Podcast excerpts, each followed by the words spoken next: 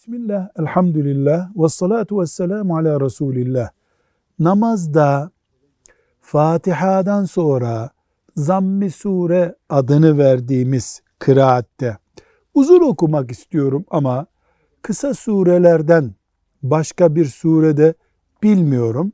Mesela Fil suresini biliyorum. Elem tara keyfe feale rabbuke bi ashabil fil. İşte onun gibi sureleri biliyorum.